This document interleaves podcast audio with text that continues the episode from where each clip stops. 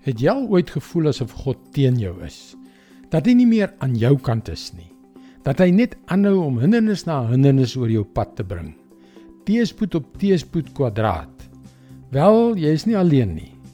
Hallo, ek is Jockey Gouchee vir Bernie Diamond en welkom weer by Vars.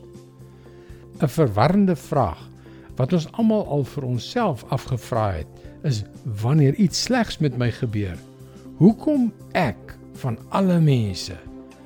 Is dit van God? En indien wel, hoe kan dit dan strook met die feit dat hy my na bewering baie liewer het as wat woorde ooit kan uitdruk? Die waarheid is dat niks op hierdie aarde gebeur sonder dat God dit toelaat om te gebeur nie. Dit beteken nie altyd dat hy dit veroorsaak het nie. Jy verstaan tog, die oorlog in die Oekraïne was nie God se skuld nie. God weet lank vooruit wat gaan gebeur en alles pas by sy planne in. Maar soms bring God inderdaad beproewinge en rampe oor sy volk. Ons sien in Joël 2 vers 25. Die Here sê: Ek sal herstel wat julle deur die stroperspringkane, die snysprinkane, die swermsprinkane en die jong sprinkane verloor het. Ek het hierdie groot vernietigende leer teen julle gestuur.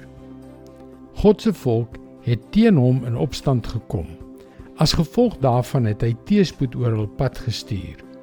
Wie het die leer teen hulle gestuur? Die Here het inderdaad. Hy neem volle verantwoordelikheid hiervoor. Kom ons kyk weer na die eerste sin van daardie vers se belofte. Ek sal herstel. Soms kom teëspoed inderdaad uit die hand van God, veral wanneer ons teen hom rebelleer. Maar sy doel, luister mooi hierna, sy doel is altyd, altyd verlossend.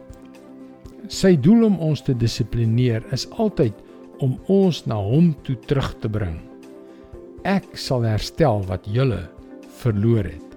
Dit is God se woord vars vir jou vandag. Is dit nie verstommend hoe God ons diepste behoeftes deur net 'n enkele vers uit die Bybel kan aanspreek nie? Jy kan daagliks boodskappe soos hierdie per e-pos ontvang. Gaan ons webwerf varsvandag.co.za en teken in.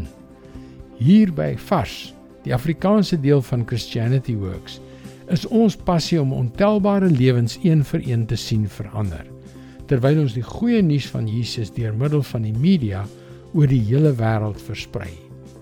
Mooi loop. Tot môre.